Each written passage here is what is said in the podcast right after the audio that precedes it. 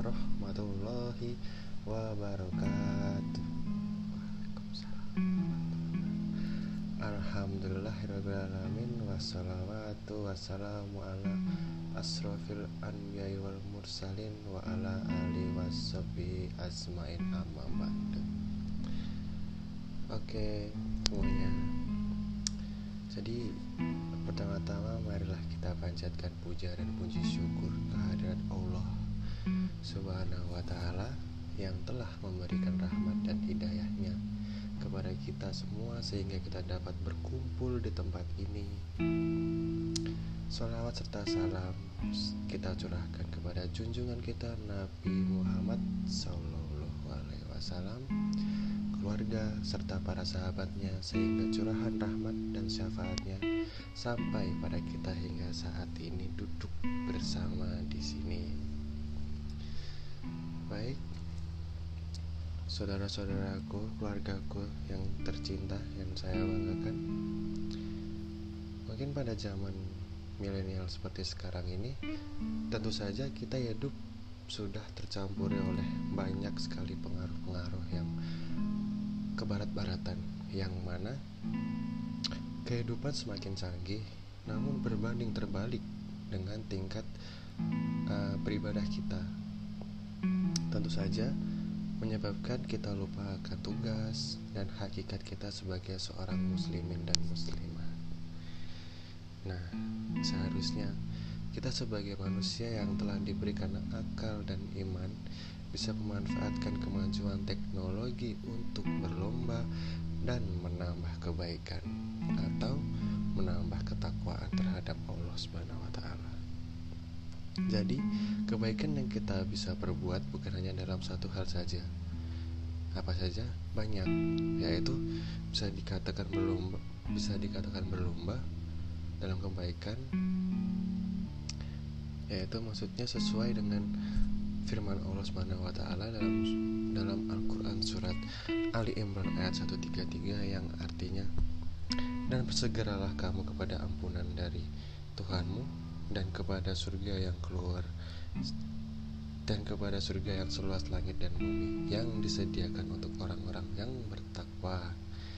Jadi pada dasarnya semua per, semua perbuatan baik atau buruk datangnya dari hati kita sendiri dan hakikatnya dari Allah Subhanahu wa taala. Nah, Allah hanya ingin tahu apakah kita bisa menjadi manusia yang bersyukur atau tidak bersyukur. Maksudnya seperti kufur nikmat gitu. Ya saudara-saudaraku keluargaku yang saya hormati yang saya cintai ketika dalam diri kita sudah mempunyai hati yang mulia dan kita mengerjakan hal-hal yang baik dengan ikhlas karena Allah Ta'ala Hal itu tentu saja menunjukkan bahwa kita termasuk orang-orang yang bersyukur. Namun apabila kita sudah mempunyai hati yang kotor, yang buruk atau bakil itu malah kita akan termasuk orang-orang yang merugi atau kufur akan nikmat yang diberikan Allah Subhanahu wa taala. Sebagai gambaran apabila seseorang mempunyai hati yang baik begitu dia akan selalu bersedekah mengingatkan sesama akan hal-hal yang baik mengingatkan kepada sesama akan hal-hal yang mungkin menurut Islam itu tidak baik begitu. Mengajak intinya mengajak ke arah yang kebaikan itu berbeda dengan orang yang sudah mempunyai uh, hati yang buruk hati yang kotor gitu. Dengan halnya intinya uh, orang yang kotor itu tidak dapat menahan nafsu seperti ingin minum minuman keras free sex gitu dan sebagainya gitu kan. Dan itu semua sudah di uh, apa namanya sudah dituliskan dan sudah sesuai dengan sabda Nabi Muhammad yaitu janganlah kalian bersifat jelek maksudnya bersifat kotor kepada sesama. Kita sebagai pengikutnya harus selalu menjaga perbuatan agar selalu ada pada jalan kebaikan. Begitu.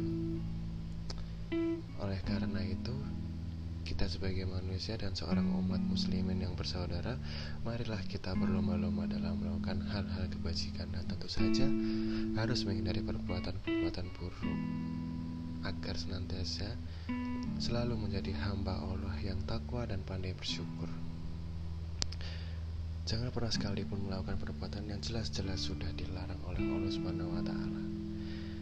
Mudah-mudahan kita selalu dalam lindungan Allah dan selalu mendapat hidayahnya agar selalu istiqomah dalam berbuat kebaikan dan marilah kita berbuat baik selalu berbuat baik mungkin itu saja yang dapat saya sampaikan kali ini apabila ada yang ingin ditanyakan silakan saya tutup pertemuan kali ini dengan membaca hamdalah.